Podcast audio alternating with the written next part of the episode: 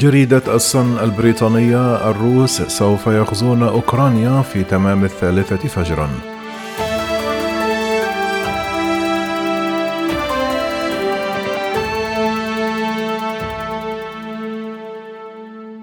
زعمت روسيا اليوم أنها تسحب حوالي عشرة ألاف جندي من الغرب والجنوب إلى ثكناتهم بعد تدريبات عسكرية. لكن ما زال هناك حوالي 130 ألف جندي على الحدود الشرقية والجنوبية لأوكرانيا مع حوالي 40 ألف من القوات الموالية لفلاديمير بوتون في بيلاروسيا في الشمال. لكن الكرملين قالت أن التحذيرات من وقوع غزو في الصباح الباكر من يوم الأربعاء هي هستيريا لا أساس لها تهدف إلى تصعيد التوترات في أوروبا. وقال ديمتري بيسكوف المتحدث باسم الكرملين أن بوتين لا يريد أن يرى حملات إعلامية تزيد من تصعيد التوترات ويفضل أن تناقش روسيا والغرب مخاوفها بهدوء وتنفي روسيا أنها تخطط للغزو لكنها قالت أنها قد تتخذ إجراءات عسكرية تقنية غير محددة ما لم يتم تلبية رغباتها. وبشكل منفصل ادعى الروس أن ليس لديهم خطط للغزو ولكننا سنحتاج إلى رؤية إزالة كاملة للقوات لإثبات صحة ذلك.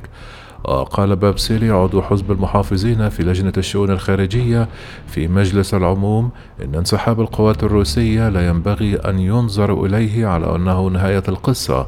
قال إن موسكو لا يزال لديها العديد من القوات حول أوكرانيا ويمكنها إعادة نشر المزيد في وقت قصير.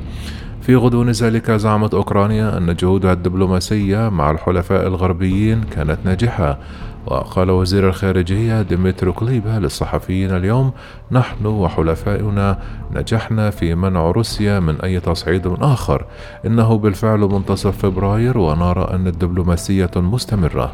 جدير بالذكر أن الرئيس الأوكراني فلاديمير زيلينسكي أعلن غدا يوم الوحدة وحث شعبه على الوقوف وغناء النشيد الوطني في تمام الساعة العاشرة صباحا وقال نحن لا نعرف كيف نستسلم ولن نتعلم كيف نستسلم.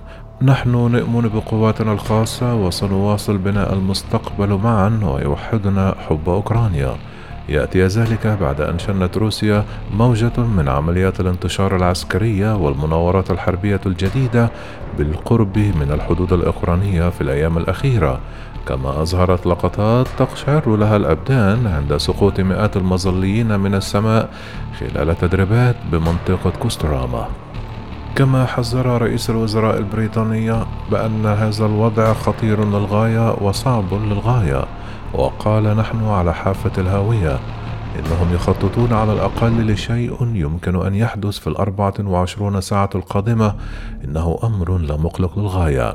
وبعد ترأس اجتماع طارئ مع كبرى قالت السيدة وزيرة الخارجية أن الغزو قد يكون وشيكا وحثت جميع البريطانيين على الإخلاء بأي وسيلة ممكنة.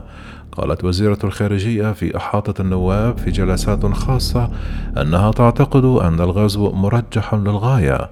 وسيستضيف السيد رئيس الوزراء البريطاني المزيد من المحادثات لقادة المخابرات والجيش اليوم. قالت السيدة روس هذا الصباح أنا قلقة للغاية بشأن الوضع. قد نكون على شفا حرب في أوروبا وأضافت سيكون لذلك عواقب وخيمة ليست فقط على شعبي روسيا وأوكرانيا ولكن على الأمن الأوسع لأوروبا.